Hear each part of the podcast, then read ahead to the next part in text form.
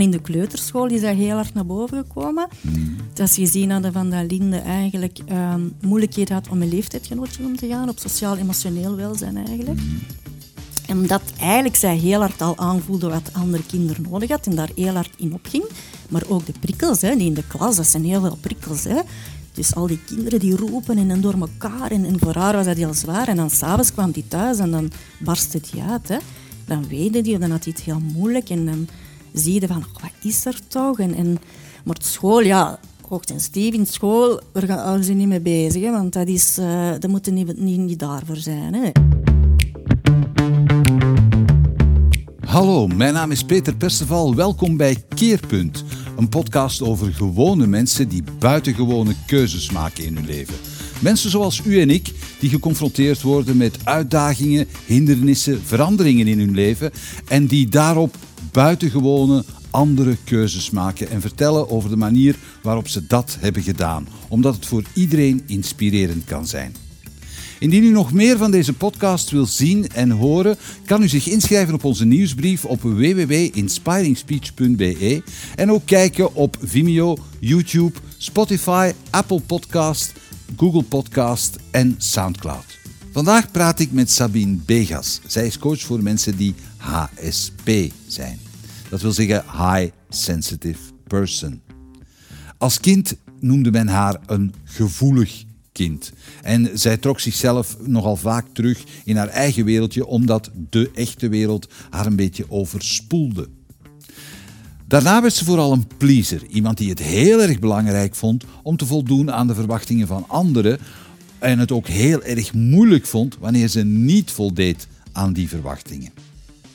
Pas toen haar eigen dochter haar duidelijk maakte dat ze heel veel moeite had met het verwerken van alle indrukken en emoties die ze opdeed tijdens een dagje in de kleuterklas, begon het Sabine te dagen dat ook zij last had van dezelfde dingen als haar dochter toen zij klein was. Ze begon erover te lezen en ontdekte dat het fenomeen HSP bestond en herkende er zichzelf en haar dochter in.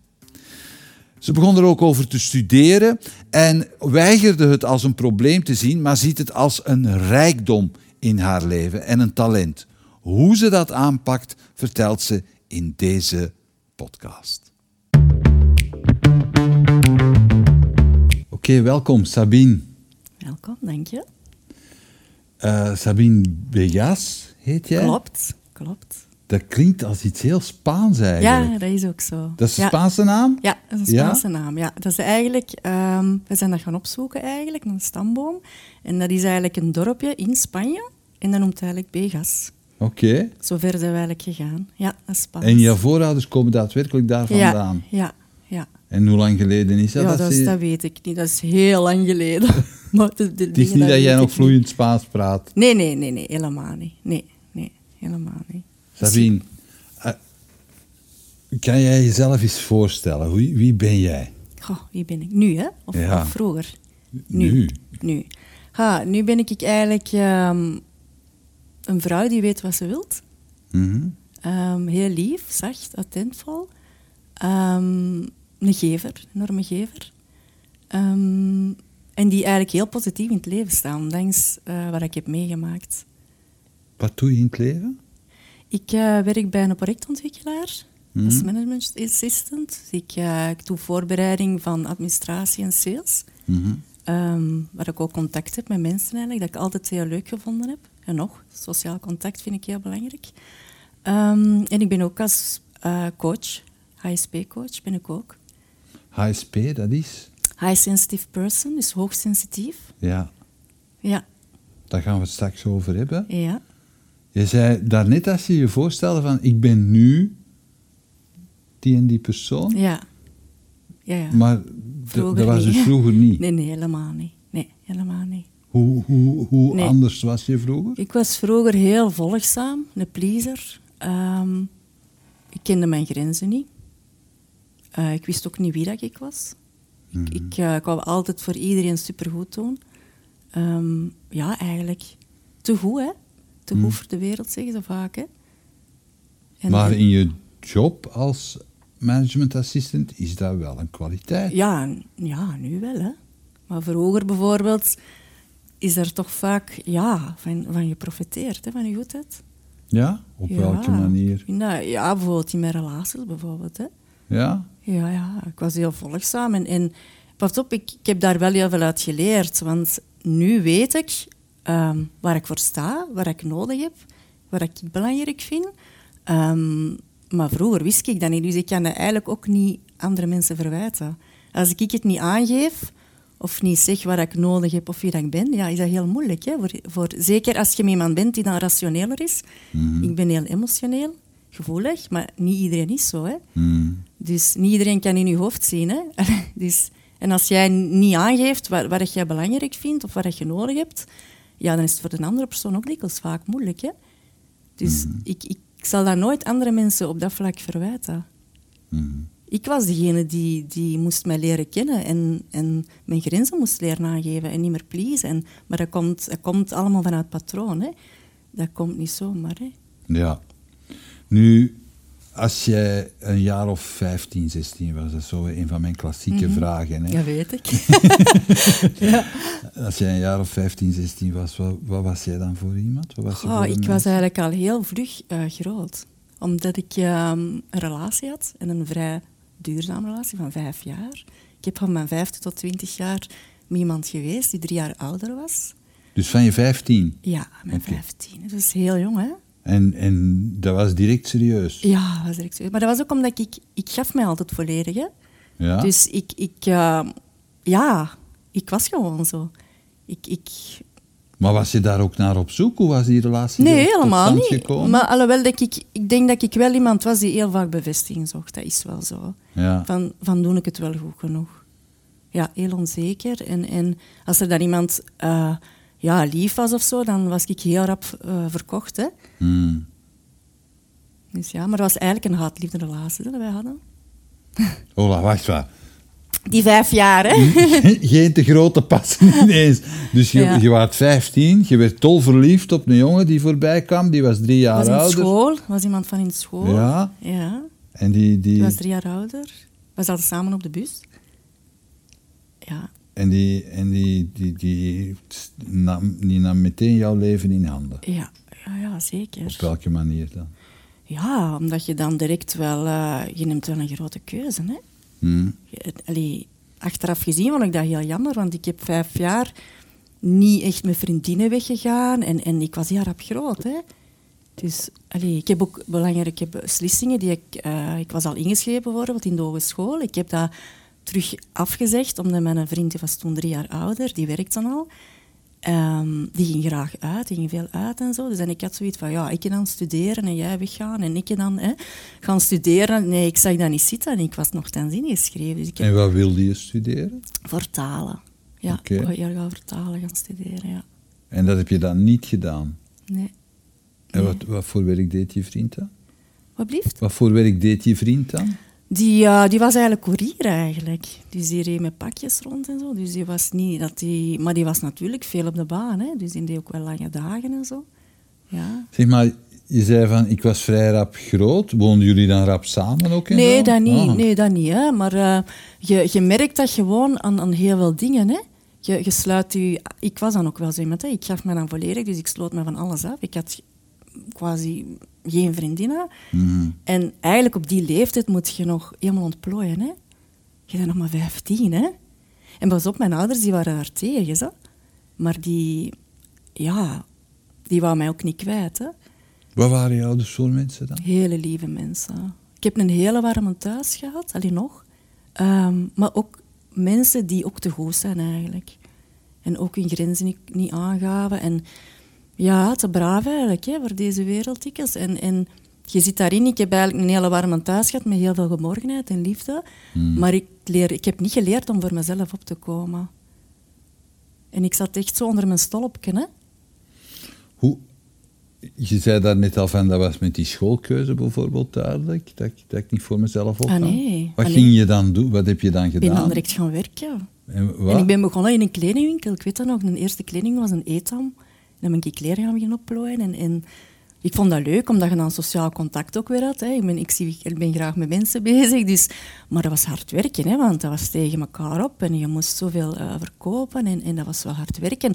En ik wist wel vlug van, ja, dit ga ik wel niet aan mijn leven blijven doen. Hè. Ja. En dan ben ik eigenlijk... Uh, ik ben wel een doorzetter, dus ik ben altijd iemand die ja, altijd doorgaan en werken en niet opgeven. En dan heb ik me eigenlijk opgewerkt. Want ik had eigenlijk maar gewoon een diploma van, van de lagere school. Hè. Alleen van het middelbaar. Hè. Ja. Ik had geen allee, diploma, dus ik heb echt gewerkt. Ik heb nooit gedopt, nooit. Altijd gewerkt.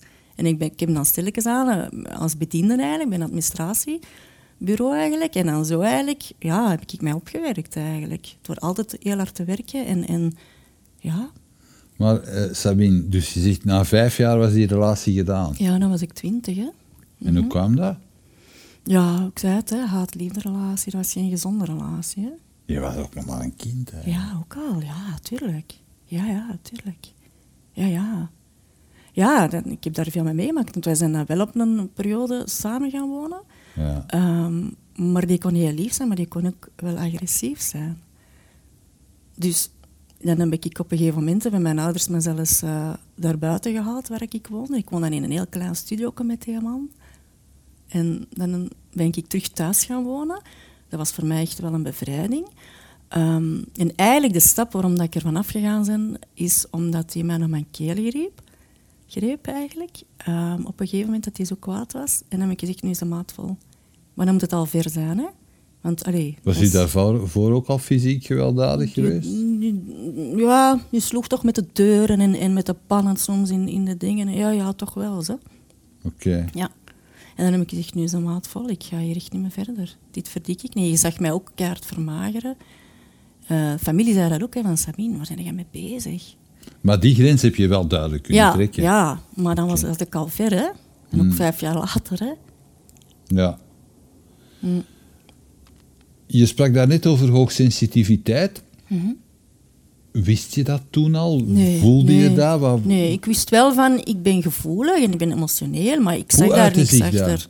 Ja, door bijvoorbeeld, ik zeg nu in de lagere school, als een leerkracht tegen mij riep, dan kromp ik helemaal in elkaar. Hè. Ik kan niet tegen mensen die roepen. Hè. Mhm. Dus ik, um, ik kroop helemaal in elkaar. Zo discussiëren, ruzie maken, daar had ik het allemaal heel moeilijk mee. Ik kende dat ook niet van thuis. Hè. Mhm. Bij ons thuis werd er niet geroepen en niet gediscussieerd. En, dus dat waren allemaal zaken die ik ook niet kende. Hè. En zolang dat je thuis bent en in je lief kokonnetje en, en, en, alles zacht, dan, is dat niet erg. Maar als je naar de buitenwereld, ja, de wereld is hard. Hè? Mhm. Niet iedereen is lief en zacht. Hè? Dus dat was voor mij wel een eye-opener van mij. Het leven is toch wel een beetje anders dan ik verwacht had. En wat was jouw reactie daarop dan, initieel, in het begin? Als, als, je, als, als zo'n leerkracht naar je riep? Of, of ja, ik kromp helemaal in elkaar. Hè. Ik durfde niks meer zeggen. Hè. En dan was ik daar echt niet goed van. Dan kon ik daar een dag echt niet goed van zijn. Ja. Dan moet je dat verwerken. Hè. Ja. Hoe deed je dat op jezelf? Mezelf, ja. Ja, ik kon, wel, ik kon wel goed met mijn ouders praten. Ik kon goed thuis terecht, dus dat was geen probleem. Ik kon echt wel... Allee, mijn ouders waren er ook wel altijd voor ons.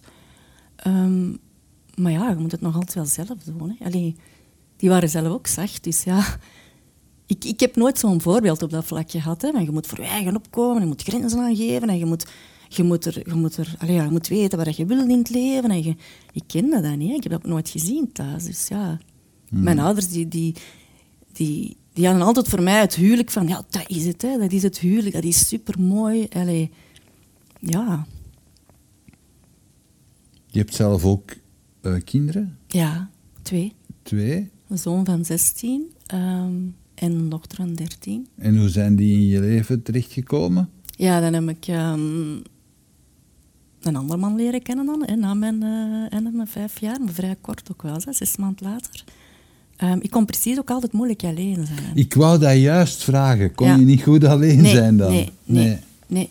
Je had zelf ik die had bevestiging Ja, die nodig. bevestiging nodig van er is iemand voor mij. En, Mhm. en ik keek ook altijd op naar mensen die, die het heel goed konden uitleggen, maar die er ook stonden. Mhm. Ja, dat is zo. Hè. Dan trekt dat precies meer aan van... Mhm. Die gaat dat voor mij doen, hè. Die, gaat, die kan dat. Hè. Ja, en met een, met een, met een ex-man nu dan, hè, ook met een man waar ik mijn kinderen mee heb, die had dat wel. Die kon het heel goed uitleggen. En, en ja, die was intelligent en die was moet ik nu zeggen, die, die stond er en, en ik vond dat ongelooflijk. Ik zei, maar die drinkt niet, die gaat op café. En zeg, wauw. En, en die was ook een mooie, had een mooie uitstraling, verzorgd. Dus ja, ik was heel rap tevreden hè, op dat vlak. Als ik, ja, nee, maar dat is, ik bedoel van...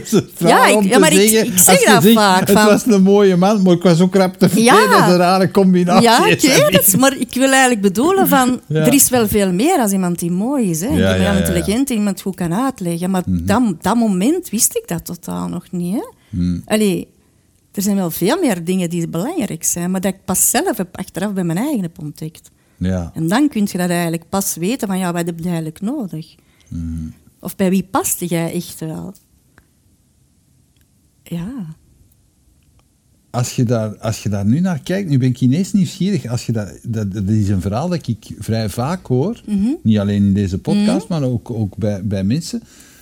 Als je, als je zo 18, 20, 21 jaar bent, dan ken je je eigen nog helemaal niet eigenlijk. Totaal, je denkt dat, hè?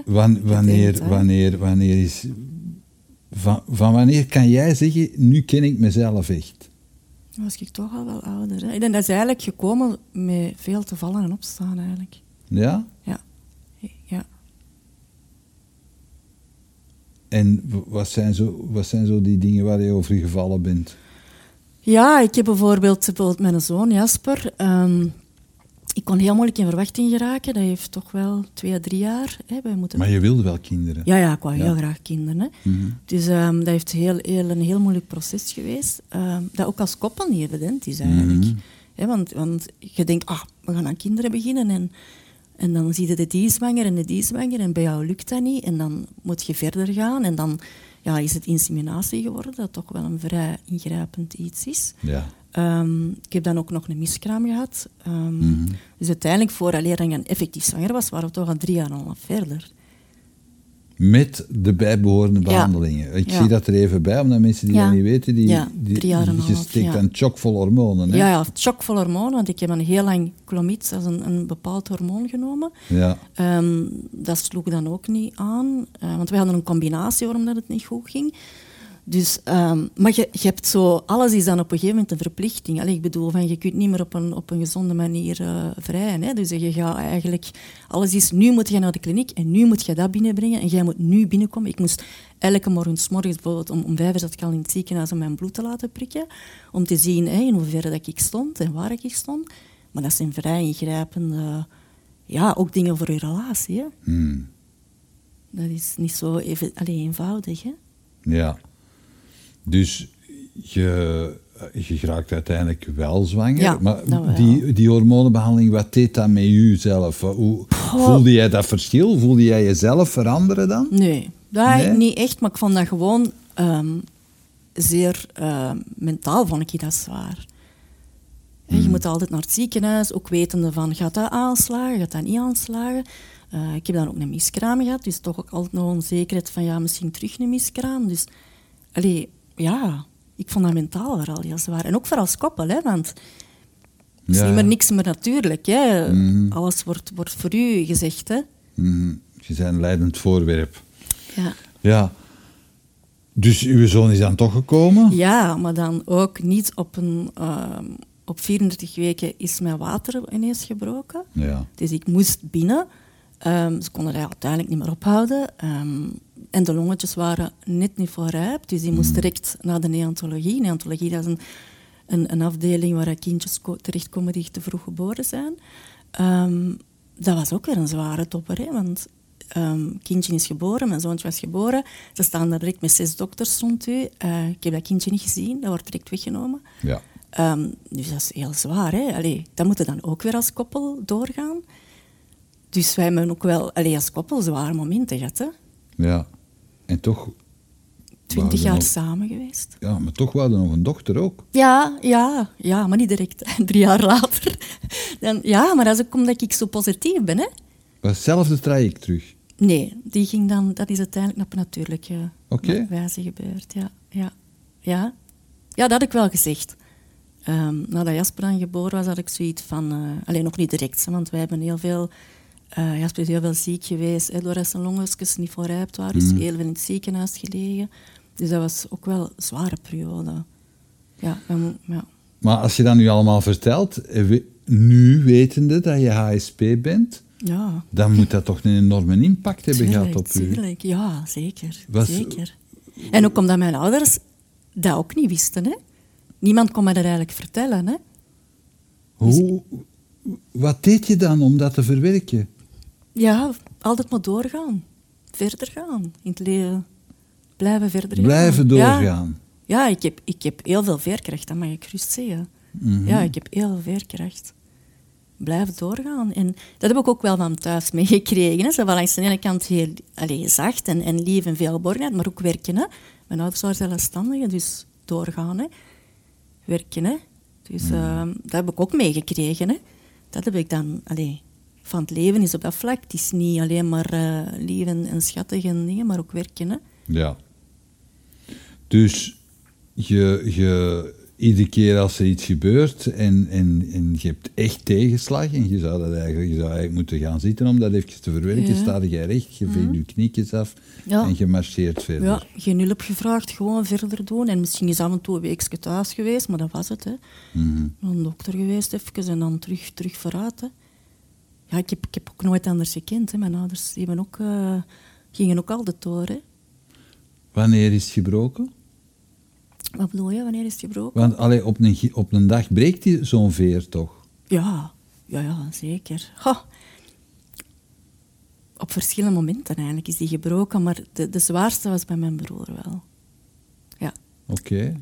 Vertel, wat is er gebeurd? Ja, mijn broer ehm, die is drie jaar, drie jaar ouder dan mij. ehm, en op een gegeven moment, die, die, ja, die voelde zich niet goed en zo. Die had wel last van zijn maag en, die was wat vermagerd en zo. Maar wat rugpijn, lage rugpijn, maar nog niet echt voor te zeggen van... Goh, ik heb hier iets heel zwaar, extreem. Je denkt ook niet zo direct zo verder. Hè.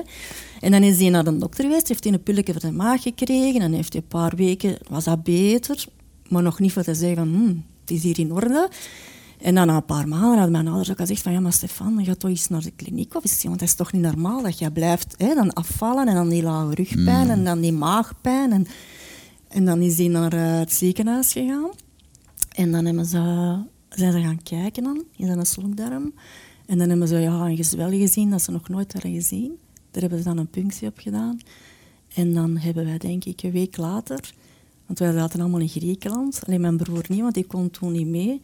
Ehm, en had mijn mama gezegd, ja, ik wil het nieuws weten, wat het ook is. En wij hadden allemaal een slecht gevoel. Hè? Wij hadden allemaal zoiets van, nee, het is niet goed, het is niet oké. Ik voel dat intuïtief ook heel hard aan. Hè? Ik ben iemand die zeer intuïtief is. Mhm. Ehm, dus ik wist, klopt dit niet. En inderdaad, ehm, ik zal dat nooit vergeten, die een telefoon dat er dan was. En ik hoorde mijn mama roepen uit haar kamer. Echt roepen. Want ik zat aan het ja, met mijn kindjes die toen nog klein waren. Hè, zes, en, zes en drie, denk ik, ja. Mhm. Ehm, en dan wist ik, ja, dat is niet oké. en inderdaad, hij zei, ja, ik heb kanker, mama. Ehm, en ik ga niet lang leven. Ja.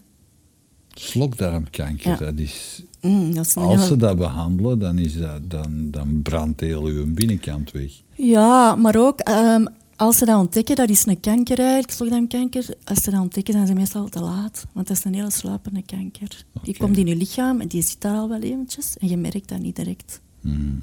Dus dat is iets... Ja, meestal als ik bij mijn broer ontdekt hebben eigenlijk... Dan had hij al in graad 4, dus hij had al uitzagen naar de lever en naar de lymfeklieren. Mhm. Dus ja, dat was al ver. Hè. Dus ze wisten ook, tien maanden hadden ze gezegd, max. Ja, dat zijn zware dobbers, hè. En dus je zei, dat was een eerste moment waarop de, de veer brak bij mij. Dus wat, wat, wat, wat Ja. gebeurde er dan? Ha, wenen, wenen, verdriet, maar ook boosheid. Eh, waarom overkomt ons dat? En, en ja, je staat machteloos. De, de, de, de wereld onder je voeten zakt weg. Hè? Allee, je, je, de grond bedoel ik. maar dat is zo, ja, je kunt dat niet geloven eerst. En toch is dat, hè, want je weet het is. Hè. Allee, en, je, en je weet van, ja, wat nu? Hè? Je moet verder. En, en je weet ook dat er nog heel zware maanden komen. Je weet niet hoe zwaar, maar je wist wel van, ja, hij gaat sterven, hè. En uw emoties overspoel, overspoelden Ja. u op, dem, op Ja, dat ja. moment. Ja, ja.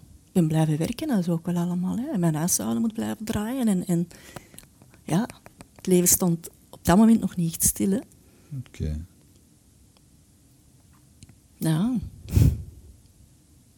Dus wat heb je daar dan mee gedaan? Ja, ik, heb, ik wou heel veel bij mijn broer zijn op dat moment. Ik wou nog echt alles doen wat ik kon. Zo, om, om, om, omdat hem nog in het begin was, nog goed. Konden we nog dingen doen. Hebben we nog samen een uitstap gedaan naar Disney. Want hij had een dochtertje. Zo oud als mijn dochter, ook 13, toen 6. Dus wij hebben ehm, nog allemaal een uitstap gedaan naar Disneyland. Dat heel, heel, ja, heel ontroerend was. Maar ook wel, van binnen ga ik kapot van verdriet. Hè? Want je, moet, je wilt daar een mooi moment van maken, want dat is jouw laatste moment, dat weten. Maar van binnen weten, ja, dat is hier de laatste keer hè, dat ik hier met mijn broer eh, in Disneyland zit. Hè? Maar kon je dat verdriet dan aan hem laten zien? Ook? Jawel, ik heb wel geweend. Hè. Nu, het, het, het ding was, hij was zelf een hele sterke op dat vlak. Hè. Die zei, oh, maar Sabine, je moet je niet verdrietig voelen. En, en oh, manneke, maakt, die zei wel altijd van, maak van je leven hè, wat je nog kunt. En zie dat je gelukkig bent. En die heeft mij heel veel ook wel verteld. Zo van, maar die was zelf, die weende niet zelf niet veel. Zo. Toch niet in ons bijzijn, ik zal het zo zeggen. Ik weet niet dat hij alleen was natuurlijk. Hè, maar in ons bijzijn weende die, maakt, oh, die zich wel sterk. Oké.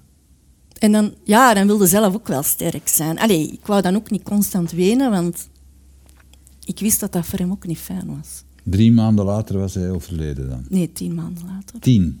Tien maanden later, oké. Dat, is, dat was dan een, een klap. Ja, ja, ja. Kon je op dat moment je verdriet loslaten? Ja, ja, ja, ja, ja toch wel. Ja, dat heeft... Uh, ja, ja, alleen, ja, het was ook zo, ik kon nergens met mijn verdriet terecht eigenlijk. Want ja, mijn ouders zijn verdrietig, mijn kinderen waren verdrietig. Mijn man die wist niet goed dat hem er moest... Allee, toen mijn ex-man en nu. wist niet goed dat hem er moest omgaan. Dus die, die uh, sloot zich daar ook een stukje van af. Zo. Ja, dus ik, ik stond weer alleen hè, op dat vlak. Hè, want ik moest het dan ook wel zelf gaan uitzoeken. Van hoe moet ik dat hier allemaal gaan doen? En, en Hmm. je moet... Je, ja, kinderen zijn er ook nog, die zijn ook verdrietig, die moeten ook opvangen. Mijn ouders waren verdrietig. Allee, ik kon nergens terecht. Op dat Maar- moment, hè. Je had ook professionele hulp kunnen gaan zoeken. Ja, dat heb ik dan uiteindelijk wel gedaan, hè. Ik ben, dan, eh, ik ben ook naar een coach geweest. Ik, heb, eh, ik ben echt aan mezelf beginnen werken, hè. Ik, eh, ik ben wel heel hard gegaan op dat vlak. hè. Omdat Ik je heb- voelde van, de, de, de, er, is hier iets om mee te werken. Tuurlijk, ja. Ik wist van... Dat was voor mij ook zo van... Is dit nu het leven? Allee, is dit nu waar ik eigenlijk zo verder wil eigenlijk in mijn Mm. leven? En dan begin je heel hard na te denken, hè. Wat stelde je allemaal in vraag? Veel. Ja. Wie, wie ben ik? Wat wil ik? Wat vind ik belangrijk? Ehm, mijn relatie. Ehm, mijn werk, toch ook wel een stuk. Ja, veel dingen eigenlijk. Heel veel dingen. Maar vooral, wie ben ik? En wat, wat ontdekte je van jezelf? Goh, dat ik eigenlijk goed genoeg ben zoals ik was. Ik heb heel lang zo be- die bevestiging nodig gehad. Hè, van, Ja. van, En uiteindelijk zeg ik, maar nee, ik ben ik goed zoals ik ben. En ik ben ik niet te soft en ben ik niet te gevoelig en te emotioneel. Ik ben hoogsensitief. Mhm. En ik, ik moet gewoon eh, met die hoogsensitiviteit in het leven leren omgaan, maar ook mijn ruimte durven innemen en mijn grenzen aangeven en niet meer zo pleasen. Mhm. En mensen, ik zie mensen nog heel graag, maar ik zie mezelf nu ook heel graag. Maar hoe ontdekte je bij jezelf dat je hoogsensitief was? En wel, dat is eigenlijk, dan heeft mijn dochter de spiegel een beetje voorgehouden. Hè. Dus ehm, die heeft als baby eigenlijk, was die al anders als, als mijn zoon bijvoorbeeld. Ik zag niet bepaalde dingen zo, maar ja, je stelt je nog niet direct grote wat vragen. zag hè. je dat bijvoorbeeld? Ja, die, die, die had zo niet het typische dingen als een babyke doet. Zo, die, die was al zo... Die kon zo bijvoorbeeld heel stil in haar bedje blijven liggen, maar uren een stuk. Of wakker zijn en geen kick geven, terwijl dan mijn, mijn zoon al... wow, wow, wow. En zij was altijd zo heel stil. Ehm, die kon zo heel veel met haar knuffeltjes bezig zijn. Die had zo knuffeltjes, hè. Dat was voor haar haar leefwereld. Die had zo leefde zo in haar eigen leefwereldje. Zo. En ik zag van, mij, dat was zo'n heel gemakkelijk kind. Zo, allee, zo weet je, die, die vroeg niks. Die, die was altijd zo... Ja, en, en in de crash hadden ze dat ook wel al gezegd, hè, dat, dat, zo een, dat dat anders was. Maar ze konden ook niet echt zeggen wat Ja. zo. En dan in de kleuterschool is dat heel hard naar boven gekomen. Dat ze gezien hadden van dat Linde eigenlijk ehm moeilijkheden had om met leeftijdsgenootjes om te gaan, op sociaal-emotioneel welzijn eigenlijk. En omdat eigenlijk zij heel hard al aanvoelde wat andere kinderen nodig had en daar heel hard in opging. Maar ook de prikkels, hè, die in de klas, dat zijn heel veel prikkels. Hè. Dus al die kinderen die roepen en, en door elkaar. En, en voor haar was dat heel zwaar. En dan s'avonds kwam die thuis en dan barstte die uit. Hè. Dan weende die, dan had hij het heel moeilijk. En dan zie je van, "Oh, wat is er toch? En, en, maar school, ja, hoogsensitief in school, daar gaan ze niet mee bezig. Hè, want dat, is, eh dat moet er niet, niet, niet daarvoor zijn. Hè. Ja, dat was zo. Hè. En, en dan allemaal onderzoeken beginnen doen, CLB. En dan ontdekt dat ze ook ADD heeft. Dat is eigenlijk hetzelfde als ADHD, maar dan zonder de hyperactiviteit. Dus die concentratiedingen had ze dan ook wel. Ehm, maar dan dacht ik, oké, is allemaal goed, die heeft ze. En bij mij was dat ook niet de bedoeling, want ze moet zij hier een label aangeplakt krijgen. En dat was voor mij, ik wou gewoon een gelukkig kind hebben. En ik zag dat zij het heel moeilijk had. Vanaf dat zij naar de kleuterschool ging. Dus, en ik wou als ouder, als mama zien van, er klopt iets niet. Allee, die, die voelt daar niet goed in haar vel, zo weet je. In de omgeving Maar waar dat die in zit. Op, de op het moment dat zij dat doormaakte, herkende jij dan dingen van jezelf toen je zo oud was? Op die moment zo nog niet eigenlijk. Oké. Nee, dat is pas later gekomen eigenlijk. Door eigenlijk, ja, het CLB heeft dan ontdekt dat ze ADD was. ehm, en dat sociaal-emotioneel welzijn dat voor haar toch wel een heel moeilijk aspect was. En dan ben ik toevallig op een artikel terechtgekomen van hoogsensitiviteit. Daar heel beginnen over lezen en dan is een bal eigenlijk beginnen rollen. Want niemand heeft me dat eigenlijk gezegd. Ik heb dat zelf opgezocht en ik heb dat zelf onder, allee, ondervonden. En dan natuurlijk wel, ja, er is een bepaalde test voor hoogsensitiviteit, maar dat is nog niet alles. Hè. En elke HSP is ook anders. En, Ja, er is zo een, een, een, een vragenlijst. Ja, je hebt een vragenlijst Wat van Zijn Aron eigenlijk. Dat 15 is, vragen Ja, of 15 zo? vragen, waar dat dan in staat. Hè, dat, zijn een bepaalde, dat is een lijst die eigenlijk de, de Amerikaanse professor Helene Aron heeft die eigenlijk opgemaakt. En daaruit ga jij er erkennen, heel veel erkennen van dingen dat er inderdaad zijn. En als je dan vrij hoog scoort, dan weet je wel al ergens dat je hoogsensitief bent. Maar dat is nog niet een volledige ding dat gaat zeggen, ja, nu ben jij hoogsensitief, want je wordt daar ook mee geboren. Hè. Dat word je niet hoogsensitief, je zei dat. Hè. Dus En, en hoe, hoe, st- hoe- als je dat verder moet onderzoeken, hoe doe je dat dan? Ja, dat is dan, dan moet je eigenlijk bij een psycholoog of bij een coach gaan die dat dan verder met je gaat onderzoeken naar bepaalde dingen. Van wie ben je en, en, en hoe uitziet dat en wat zijn de kenmerken en zo eigenlijk. En je gaat daar elk, altijd, dat zijn stapjes, hè. je gaat daar elke keer meer en meer in. Dat is niet dat je direct, ah, ik ben ook sensitief, we weten het, voilà. Nee, nee, dat, dat is een heel proces hè, waar dat je doorgaat. Hè. Dus naar aanleiding van je dochter begon je dat te onderzoeken? Ja, en, ja, en doordat en- ik veel heb gelezen en inderdaad, dan dacht ik van, hmm, ik herken daar wel veel dingen van. Zo dat, dat, in, dat heel empathisch vermogen, hè, dus inleven in een andere persoon, dat had ik bijvoorbeeld ook. Hè. Eh, en alles overnemen van een emotie van een ander, in een ruimte komen en zien dat iemand boos of verdrietig was. Ik voelde dat allemaal aan. Hè. Maar dat kost, ja, dat kost heel veel energie. Hè. Is ook wel een talent. Ja, ja, dat is ook wel gaaf. Want ik, dat, dat zeg ik ook. Obsessiviteit wordt vaak in de, in de, in de wereld zo'n beetje... eh, Ofwel wordt het zweverig in de markt gezet, ofwel wordt het eigenlijk op een manier gezet van oei, je hebt dat, dus ja, je hebt wel een probleem. Maar Nee, ik vind dat niet. Je- Dat is eigenlijk zeker een mooi talent. En als je daarmee leert omgaan, en, dan zijn is dat eigenlijk echt wel, heb je veel capaciteiten daarmee, vind ik. Alleen al eh, het, eh, hè, dat empathisch vermogen. Ja, ja. Zeker als jij in de verkoop zat. Ja, ja, tuurlijk. Dan kun je- ja, kun ik kon heel, goed heel goed ins- scoren, hè? Ja, en, en toch ook op een eerlijke manier. hè. Ja. Hè, dus, want dat is ook typisch zo'n HSP'er. Die hebben een enorm inlevingsvermogen, maar die zijn ook heel rechtvaardig. Dus wij zijn ook heel eerlijk. Wat je ziet, zo, zo zijn we. Allee, zie je dat? Dus, dus dat is een heel mooie eigenschap, vind ik. Mm.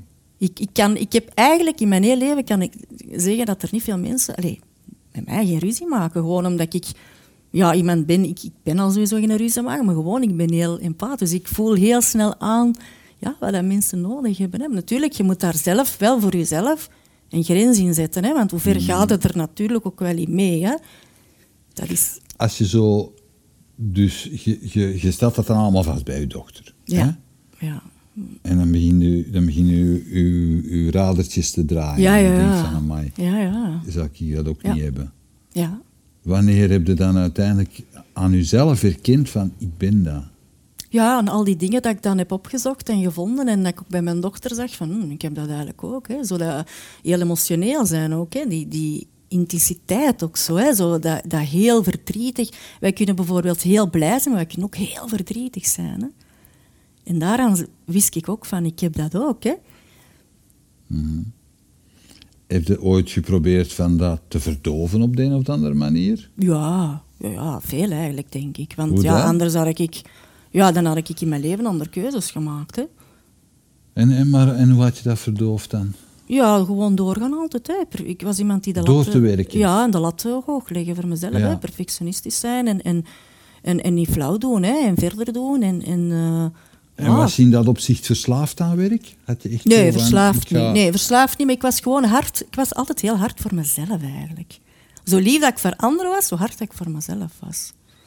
En dat bedoel ik met bijvoorbeeld... ehm, ja, ik, ik was niet mild naar mezelf toe. Zo, van, het moest altijd nog beter. En, en zeg, en doe niet flauw en kom gewoon verder. En, en ja, ik kan dat, dat is moeilijk om zo uit te leggen, maar dat is zo hard voor mezelf. Ja. Door, door, door te leren mild zijn voor jezelf, word je ook zachter voor jezelf, maar ga je ook meer, doordat je lief bent voor jezelf, ga je ook meer daarnaar leven. Ja, Zie je dat? oké. Dat, daar ben ik nu nie- nieuwsgierig naar. Van, wat wil dat dan zeggen? Dan gaat er meer naar leven. Je kunt mild zijn voor jezelf en zeggen van oké, je moet die lat niet zo hoog leggen of je moet... Ja. Is het dat wat je dan zegt? Ja, de lat niet hoog leggen, maar ook zo. Vroeger was ik eigenlijk, dacht ik altijd, als ik iets voor mezelf deed, dan ben ik egoïstisch. Mhm. Hè, dat, was zo, dat was de overtuiging dat ik had. Hè, van, nee, dat, dat kan niet. Je moet altijd eerst voor een ander. Ik cijferde mij constant weg, hè, dus. Mhm. Ja, en nu doe ik dat niet meer. En ik voel mij daar veel beter bij. Want eigenlijk ehm, kan ik er eigenlijk nu nog ook veel beter zijn. Want nu ben ik sterker op dat vlak. Omdat ik ook mezelf toelaat en lief ben voor mezelf. Dus hoe doe ik dat nu? Door mijn grenzen aan te geven. Door te weten, ehm, wat vind ik belangrijk in het leven? Wat heb ik nodig? Ehm, en mijn grens daar vooral ook in te stellen. En de lat veel minder hoog te leggen. Niet zo streng zijn voor mezelf. Sabine, als je nu... eh, je, je hebt dan de dood van je broer meegemaakt. Mhm. Je bent dan... eh even eh, rekenen, bent dan 38? Ehm, 39? wacht, dat is nu acht jaar geleden. Ja, nu ben ik 39. Ja. Ja. Ja. Dus dan beginnen, de, dan beginnen de puzzelstukken te vallen voor u. Ja, ja, ja, zeker. Wat ja. doe je daar dan mee? Wat je, je zegt van oké, je maakt mentale shifts. Je, je begint jezelf meer te aanvaarden. Mhm. Eh, en, en, en uw omgeving, hoe reageren, hoe reageren die daarop? Want dat is, dat is natuurlijk ineens een andere mens die daar zit. Ja, en ook uiterlijk. Ik ben uiterlijk ook veranderd. Ja? Ja, ja, ja. Hoezo? Ja, goh, omdat ik eigenlijk een hele... Ik was heel volgzaam, hè, dus wat mijn ex-man vroeger zei, dat deed ik. Hè. Wou die lang haar, had ik lang haar. Wou die donker haar, had ik donker haar. Ik deed dat gewoon, want ja, ik, ik zag die graag en ik had zoiets van, ja, oké, eh, ik doe dat gewoon, Maar je zit toch geen Barbie? Je kunt toch niet zeggen van kleed je nee. nu zo aan? Nee, maar gewoon, ja, dat, is, dat gaat vers, hè. Dat gaat echt vers, hè. Echt? Ja. Of dan zei hij bijvoorbeeld, zeg niet maar, ja, ik heb daar een beetje cellulite. Ah, kom, rap naar een dokter, we gaan sporten, we gaan dit, we gaan dat. Want dat moest dan weg, hè. Dat lat super hoog liggen, hè. Maar echt extreem hoog, hè. En mezelf wegcijferen terug, hè. Want dan doe ik voor de andere niet en dan is die blij. Ja. Maar dan ben ik wel niet blij. Maar dat, wist, allee, dat besefte ik toen ook niet allemaal op die moment. Je doet dat gewoon. Hè. Je zit in die rol eigenlijk. Hè. Je zit in die rol, je doet dat. En, maar dan breekt het uit. Hè. En die rol afleggen, hoe ging dat? Dus je zegt, eh, uiterlijk, je, je ging ineens... Ja, ik had zoiets van... Ja, nee, Met, met ik ga- plakkend haar in de nee, zetel liggen? Nee, nee. nee, nee. Ik ging dan bijvoorbeeld... Ik zei, ah, ik wil eens een ander kleurtje. Ik ga mijn haar eens wat lichter doen. En, want dat donker, ik vind dat niet zo mooi. Dus ik ga mijn haar wat lichter doen. Ik kreeg daar dan heel veel positieve reacties op. Dus mijn zelfvertrouwen, dat groeide. Hè, want Ja. daarvoor was ik meer zo een, een, een grijze muis, zeg ik altijd. Hè. Ja, een grijze muis en niet veel... eh, ja, echt zo ondergedoken, hè, zo.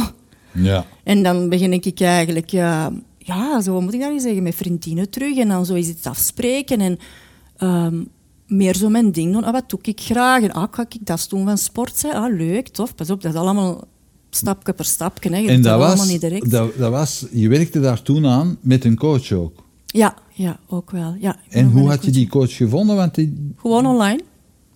was dat, Ja, online. En ik kwam was dat makkelijk te vinden? Iemand die met HSP bezig was? Nee, nee, want, nee, helemaal niet. Nee, want dat vond ik wel jammer.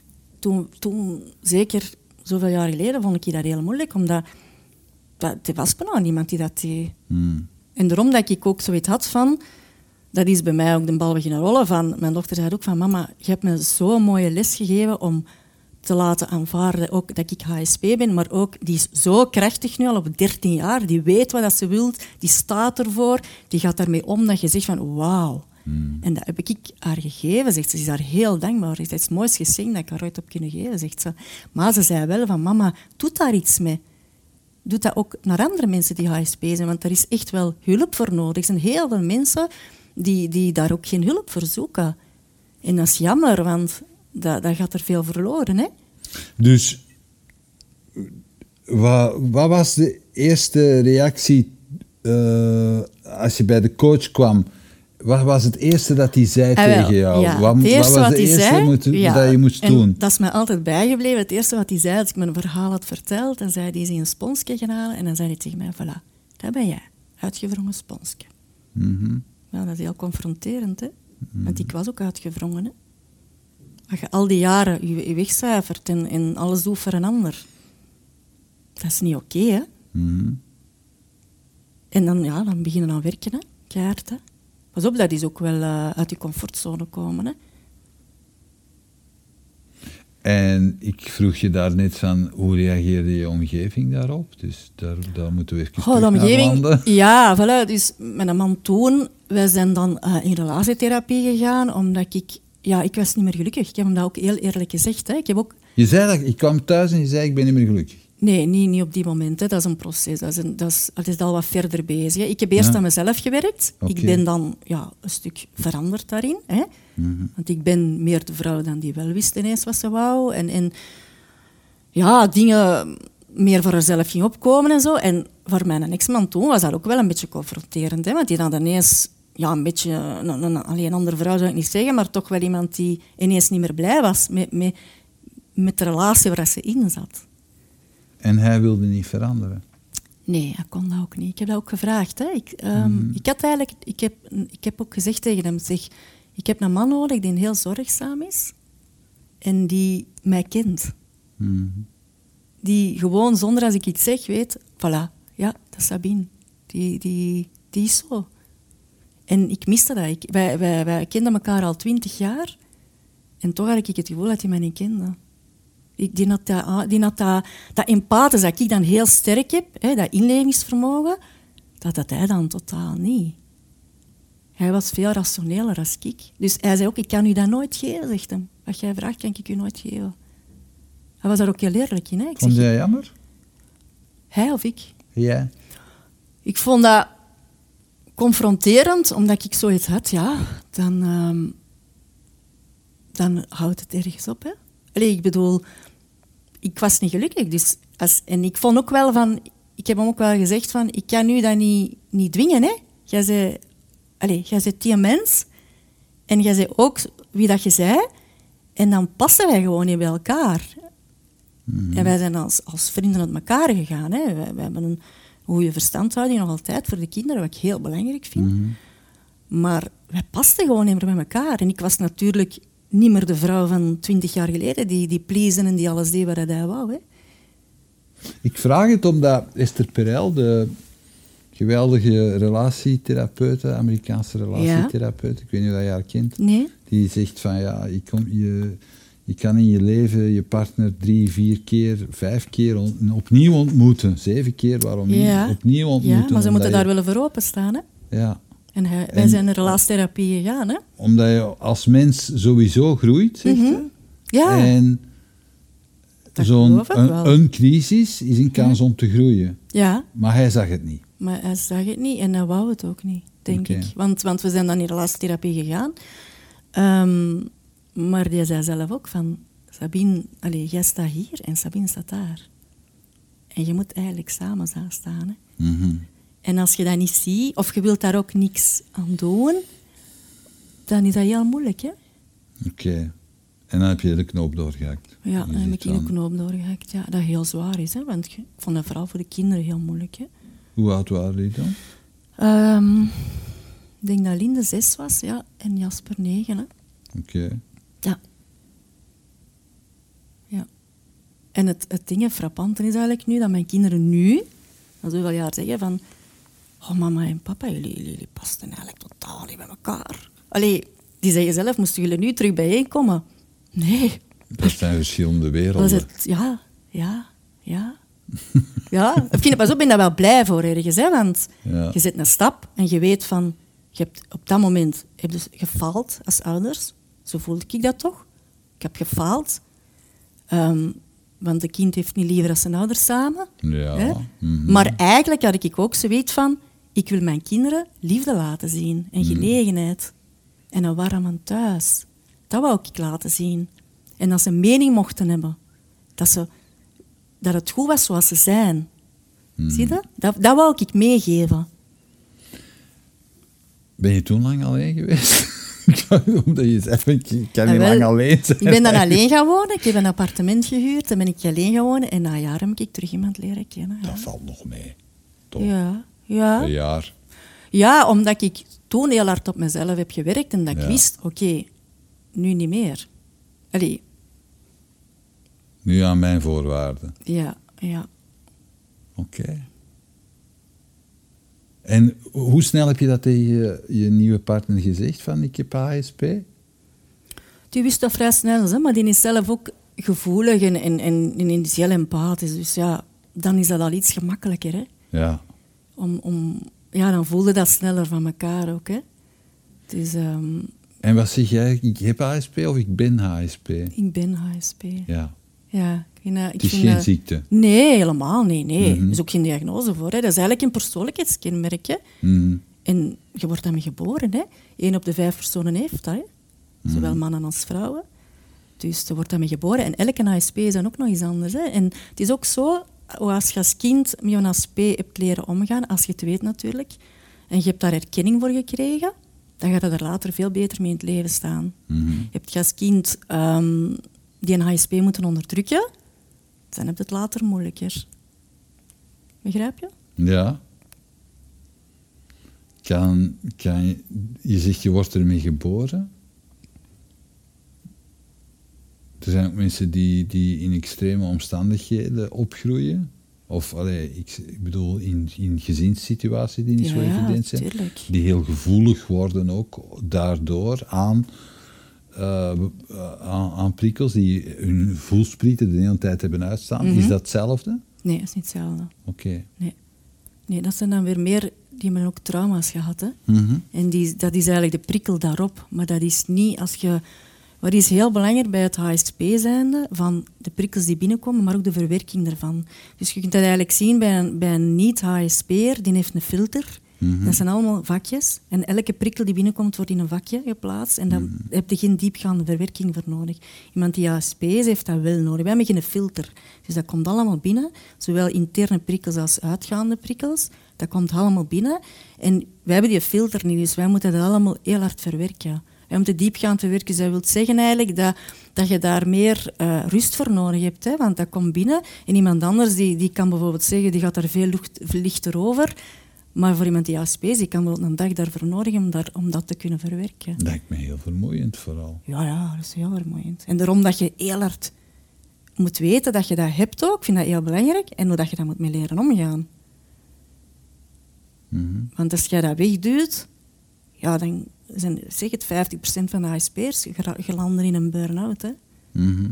Doordat ze, het niet, doordat ze er niet mee leren omgaan. Hè? Heb je er zelf ooit voor gestaan? Burn-out, Ja? twee keer. Ja? Ja, ja. Je hebt echt burn-out ja, gehad. ja, ja. Maar ook dat nog altijd niet herkennen, hè? op die momenten. En, en hoe kwam dat? Hoe zag dat eruit? Wat- Ik, wou niks niet meer doen. Hè. Ik lag in mijn bed. En, en zondag, ik weet dat nog heel goed, na morgens, keek ik naar buiten. Allee, je zei jonge vrouw. Ik, ik was het leven een beetje moe. Ook zo. Niet depressief, maar zo van... Wat zit ik hier nog te doen? Ik kan niet meer. Ik kan niet meer. Ik was op. Ik was volledig op. Ik heb, ik heb als mijn zoon zes maanden was, heb ik in het ziekenhuis beland met een bacteriële infectie in mijn bloed. Woog ik nog 48 kilo. En ze zeiden zelf op de spoed, die vrouw is volledig opgebrand. Opgebrand. Geen, geen energie meer. Nee, nee volledig op. Ik kom, kwam thuis, want ze hebben dan allemaal onderzoeken gedaan en dan zagen ze dat ik een bacteriële infectie in mijn bloed had. Um, ze hadden eerst ruggenmerkpunctie gedaan. Um, maar, maar, dat was na die vroegbevalling van uw ja, zoon? Ja, ja, ja. ja, ja dat was na, de, ja, ja, die... ja, dat was na zes maanden. Mijn, mijn zoontje was toen zes maanden. Maar ik vind, allee, weet, weet wat ik nu zo merkwaardig vind, ja. Sabine, aan uw verhaal? Ik ken een, ik ken een paar mensen die, die ook door een, een uh, IVF-parcours uh, zijn gegaan. En um, dat is dus echt een, dat is een onwaarschijnlijke rollercoaster op hormonaal vlak voor uw lichaam. Als dat dan effectief, als zo'n kind geboren wordt, als dat op een natuurlijke manier gebeurt, is dat al ja, ja. Een, een, een, enorme, een enorme die je daarna krijgt. Dus als je dat, als je dat hebt uh, meegemaakt, wat dat jij hebt gedaan met die IVF, dan is dat nog eens dubbel op. En dan wordt dat kind nog eens te vroeg geboren. Is er dan niemand bij u komen zitten om te zeggen van... Oké, we moeten dat nu even begeleiden? Nee, eigenlijk niet. Gebeurde dat niet? Nee, want ik ben dan... Wat is dat voor iets raar? Ja, ik ben dan al... Ja, ja. Jawel, maar ja. Ik ben dan al die zes maanden, zeg het, met mijn bacteriële infectie. En, en ja, mensen zijn ook allemaal gezegd op. Je moet uh, rusten, je moet echt volledige rust hebben. Mhm. En dat, allee, ben ik een maand thuis gebleven en, en een werkgever mij opgebeld van Sabine, wanneer kom je terug werken? Want... Hè, zo thuis Het is al goed geweest. Het is genoeg geweest, hè? Ja, wel goed gerust. En wat heb ik gedaan? Ik ben terug gaan werken. Toch kapot zijnde. Ja, ook omdat er niemand was, niet mijn man op dat moment, niet mijn ouders op dat moment, die zeiden, ja maar Sabine, ga je nog thuis blijven? Blijf maar thuis, want je moet rusten, hè? Als niemand die me dat zei, hè? Nee, nee, ga maar verder, hè? doorgaan, hè? Hmm. Ik heb eigenlijk, denk ik, veel geluk gehad, zo, dat ik er nog ben, eigenlijk. Was het zo was zo, zo oh ja, ik heb een bacteriële infectie gehad. Ik woog 48 kilo en, en ik heb, als ik toen niet bij heb gekregen, dan was ik hier niet meer. En dan heb je, heb je nog een keer een burn-out gedaan? Ja. Tweede keer. Hoeveel later was dat? Ik denk dat dat drie jaar later was ook ongeveer. Ja, ja altijd werken. En ik, ik moet eerlijk zeggen, ik legde de lat dan heel, heel erg hoog. Maar ik, ehm, ook voor mijn kinderen. Niet, niet, niet de lat voor mijn kinderen nog leggen, hè, maar ik deed alles ja, als moeder? Ja, ik, ik, ik, ik wou dat perfect doen. Mm. Dat kan niet natuurlijk. Hè. Nu, nu besef ik dat wel, hè. maar toen ik... Mm. Allee, dag en nacht stond ik op. Um, ik deed daar alles voor. Allee, ja, en ook niet gemakkelijk, hè, want ja, dat heb ik dan ook nog niet verteld. Mijn zoon is dan op um, ehm, 12-jarige leeftijd heeft hij diabetes gekregen. Dat komt er ook nog bij. Ja. Um, dus dat was ook weer een rollercoaster, want dan zijn we tien dagen naar in Leuven moeten gaan. Um, omdat je dat dan had, ja, dat is diabetes type 1, dat is levenslang.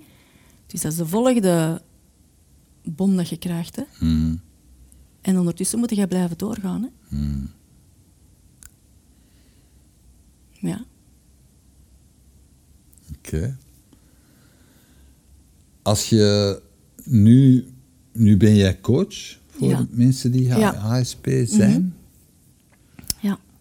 Um, die hoe komen die bij u terecht? Hoe, hoe vinden die Via mondreclame vooral nu. En dan met een website. Ik heb een website waar ze dan terechtkomen. Um, voor de rest heb ik eigenlijk nog niet echt... Hoe hebben zij zelf het idee van... misschien is het wel zo bij mij? Ja, doordat ze het ook beginnen opzoeken. En dat ze zeggen, oei, die kenmerken, die zie ik wel, die voel ik wel. En ook dat ze geen uitweg niet meer zien. Hè. Ze weten niet hoe dat ze er moeten aan beginnen. Ze zitten een, zijn een beetje uitzichtloos. Hè. Ze zijn enorme pleasers ook, zoals ik ben geweest. Geen grenzen aangeven. Um, en het is uitzichtloos. Ze zijn vooral heel moe ook. Dus hè, randje van een burn-out ook. Dus die mensen komen bij mij terecht van... Ik kan niet meer eigenlijk. Hè. Zijn er ook mensen die het, die, die denken dat ze het zijn en die het niet zijn? Hmm, dat heb ik nog niet vaak gehad eigenlijk. De meeste die bij mij komen zijn echt wel HSP. Oké. Ja. Er zijn ook, er zijn ook geen fakers? Nee, nee, eigenlijk niet. Nee. Nee. Dat is ook gek hè, om dat te doen. Hè. Allee, vind ik toch. Ik weet het niet, Waarom ik vraag zou- het gewoon. ja, waarom ja, maar ja, dat- ik, ik, speel, ik speel in, de, in deze Ja, week ik- soms advocaat van de duivel. hè. en dan, zeg, je- dan, dan als je eh, zo naar de populaire eh, mening over eh, die soort eh, dingen luistert, dan hoor je mensen zeggen, oh, ja, ja, iedereen heeft wel eten tegenwoordig. Ja, ja, dat hè. is wel zo. Ja, En ja, dus ja. van daaruit Ja. vraag ik dat. En- Zijn en- er en- mensen die dat, die, die dat faken? Nee, ik heb dat in mijn omgeving, zal ik zeggen, nog niet gehad in mijn praktijk. Nu, het is vooral belangrijk ehm, dat je als HSP zijnde, dat je daarmee leert omgaan. Hè, en dat je dat eerst aanvaardt, accepteert, dat je er dan mee leert omgaan. Hè. Dat is vooral heel belangrijk. Hè. En het is niet de bedoeling van, ah, ik heb hier HSP, dat wil ik ook vooral heel hard meegeven. Ja, dus iedereen moet, maar naar mij, allez, iedereen moet met mij maar rekening houden. Hè. Zo werkt het niet. Hè. Ja, jij jij, ik moet kan zien... nu lekker Nu egoïstisch ben ik, zijn. eh, ja, ik ben zo, ik ben gevoelig en ik ben 17 en ik, ben, ik, heb, ik heb te veel prikkels, dus ik moet nu mijn rust hebben. Nee, nee, jij bent degene die daaraan moet werken. Hè? Oké. En, en dan ga je heel krachtig in het leven staan. Mhm. En dan ga je ook gelukkig zijn. Je kunt niet verwachten dat andere mensen dat voor jou gaan doen. Jij moet dat zelf doen. Ik heb dat ook zelf moeten doen. Hè? Is het hanteerbaar overal? Kan je, kan je er echt, eh, kan je er echt gewoon mee leven? Of moet je echt zware barrières voor jezelf inbouwen? Zware beveiliging voor jezelf inbouwen? Je moet daar toch wel een, een soort bubbeltje rond jezelf voor maken, vind ik persoonlijk. Hè? Omdat je heel rap, hè, zo, omdat wij heel empathisch zijn en een heel sterk inlevingsvermogen, zit je heel rap in, in het andere. Hè? In, zit ik meer in jouw gevoel. En ik moet mijn eigen daarvoor beschermen. Als ik dat niet zou doen, dan ga ik mezelf allee, achteruit zetten. En niet meer voelen wat ik voel, hè, wat ik nodig heb op dat moment. Dus je moet je daar wel een stuk voor beschermen. En zo is dat ook op je werk. Ja, ASP'ers op, op hun werk, die kunnen bijvoorbeeld niet in een open ruimte zitten waar constant gebabbel en, en dat is heel moeilijk voor iemand die ASP is. Dat zijn allemaal prikkels en die kan zich niet concentreren. Dat, dat, dat is heel vermoeiend. Dus de, voor een HSP'er is de omgeving superbelangrijk, waar dat ze in zitten, maar ook ehm, hoe dat mensen zijn ook wel. Niet alleen de omgeving, maar ook hoe dat mensen zijn. Ja? Ik zou bijvoorbeeld niet kunnen aarden op een bureau met allemaal van die superrationele mensen die alleen maar... Ja, ik zou dat niet kunnen. Nee, ik zou dat niet kunnen. Ja. En dat is een keuze hè, dat je maakt. Hè? ja. Waar zijn HSP'ers goed in? Oh, veel. die zijn heel creatief bijvoorbeeld. Ehm, Die kunnen ook heel goed out of the box denken. Oké. die, waar die ook wel heel goed in zijn. Ehm, bijvoorbeeld op het werk, ik zal nu maar zeggen, een situatie, doordat die dat overanalyseren, zou ik misschien niet zeggen, maar die gaan, die gaan eerst nadenken, omdat die de gevolgen al willen gaan weten, van hoe gaat dat en dat en dat zijn. Dus die gaan op voorhand al een stuk kunnen inschatten, ah nee, dat gaan we niet doen, want dat gaat er dat en dan dat gebeuren. Maar dat is goed op zich, hè, want... Allee, dus die zijn daar wel sterk in. Hè? Op het werk zijn er vaak dan mensen die op en dan het verkeerde. En, en een ASP gaat daarover nadenken. Die gaat eerst afwachtende houding zien. Ah ja, oké, hè, oké, dat is zo. Ja, zo. En dan is dat meestal ook wel in orde. Is dat meestal ook wel oké. Dus ze kunnen heel goed dingen inschatten. Eigenlijk. Ja, kunnen heel goed dingen schrijven. Dus ze hebben een enorme ook, eh, oog voor detail. Hebben ze ook. In een ruimte bijvoorbeeld zit iets anders. Die hebben dat direct gezien. Hè. Dus eh, ja, en ook zo, moet ik dat nu zeggen, doordat ze... Bijvoorbeeld mijn dochter ook, ik heb altijd gezien, een heel mooie eigenschap, die is heel open-minded op heel veel vlakken, maar dat bedoel ik mee van... Die, die kan zo voor veel dingen zo openstaan en dat, dat vind ik zo fijn aan haar. Zo van, dat is niet zo'n tunnelvisie van, ja, zo is mijn leven, zo is mijn doel en dat ga ik zo doen. Maar die kan zo... Ja, ik vind dat ook wel heel mooi aan haar eigenlijk. Nu, jij, jij helpt nu mensen zelf die Ja. HSP hebben. Mhm. hoe, hoe lang moeten mensen bij jou zijn? Dat hangt er vanaf natuurlijk in hoeverre dat zij aan het struggelen zijn hè, met hun Ja. HSP. Er zijn erbij die... die en je hebt ook het karakter ook nog eens. Hè. Je hebt hun DNA ook nog eens dat erbij. Het is niet alleen het HSP zijn, maar je hebt ook je, je- wat je hebt meegemaakt als kind. Hè, trauma's, hè, ervaringen, wat er tegen u gezegd is geweest, je overtuiging, dat komt er ook allemaal nog bij. hè. Het is niet alleen je HSP zijn. Hè. Dus dat hangt er vanaf in hoeverre dat je daarin zit. En je hebt mensen die, die, die HSP zijn, maar die een heel goede jeugd hebben gehad en die hebben eigenlijk niet echt veel trauma's gehad, dan gaat dat iets vlugger, dat proces. Hè? Hmm. Maar als je erbij ziet die wel een hele moeilijke kindertijd hebben gehad, Ja. dan is dat wel moeilijker. Hè? Dus dat hangt er allemaal van persoon tot persoon af. Elke HSP is ook anders. Het is geen een hetzelfde. Dus het duurt soms. eh, De meeste komen, eh, die volgen een traject van, van, van tien, maar ik heb er ook wel bij die er al aan twintig zitten. Oké. Ja. Ik denk dat de knoop vooral ligt in wat je daarnet zei: van je moet wel beseffen dat je het zelf in de hand moet nemen. Ja, ja, ja. dat zeg ik ook altijd. Zijn Hè? mensen daar eh, snel toe bereid? Ja, die bij mij komen eigenlijk wel, denk ik. Oké. Ja. Die willen echt geholpen worden en die willen echt... Ik denk dat die ook mij zien als een... een ja, ik heb enorm levenservaring, denk ik dan. Ik heb heel veel ook meegemaakt. En, en ehm, ik kom heel ehm, positief over naar hun van... Daar is niks mis mee, hè, dat je dat hebt. Hè, we gaan daaraan werken en je gaat daar goed mee kunnen leven. Hè. Hmm. Dat is geen stoornis, hè? dus we, we, gaan, we gaan er gewoon... Je moet daar een manier om vinden om met daarmee leren omgaan, maar je gaat gelukkig daarmee zijn. Hè? En ze zien mij ook van, ik heb ook die weg helemaal afgelegd. En Ja. dat geeft hun een stuk vertrouwen en gevoel van, ah ja, die kan dat ook. Hè? En haar dochter heeft dat ook en die staat al zo ver, op haar 13-jarige leeftijd. Dus het kan, hè. Ja. Maar je moet het wel zelf willen, hè. Mijn finale vraag is altijd, Sabine, als jij je nu, als jij jezelf, met alles wat je nu weet, met alles wat je hebt meegemaakt, nu zou tegenkomen als je 15, 16 was, wat zou je dan zeggen? Blijf jezelf, geef je grenzen aan en je bent goed genoeg zoals je bent. Dat vat het helemaal samen, hè? Ja, Alles wat je gezegd dat is hebt. de rode draad hè, in mijn leven. Hè. Ja, Ja, super ja, dat je dat zo helder kan zeggen. ja, ja, denk je. Ik wens je nog heel veel mensen toe die je mag inspireren. Ga ik zeker doen. En eh, keep up the good work. Zeker. Dank je wel. Ik vond het heel aangenaam om dit te mogen doen. En ik wil heel graag ook mensen inspireren daarmee. Ja. Dat, dat vind ik heel fijn om te doen. Ik, heb, ik zeg het, de weg dat ik heb afgelegd, ik ben eigenlijk langs de ene kant dankbaar, want daardoor ben ik nu ook de persoon wie dat ik nu ben. Mhm. Dus, en andere mensen kunnen dat ook. Komt helemaal in orde. Komt helemaal goed.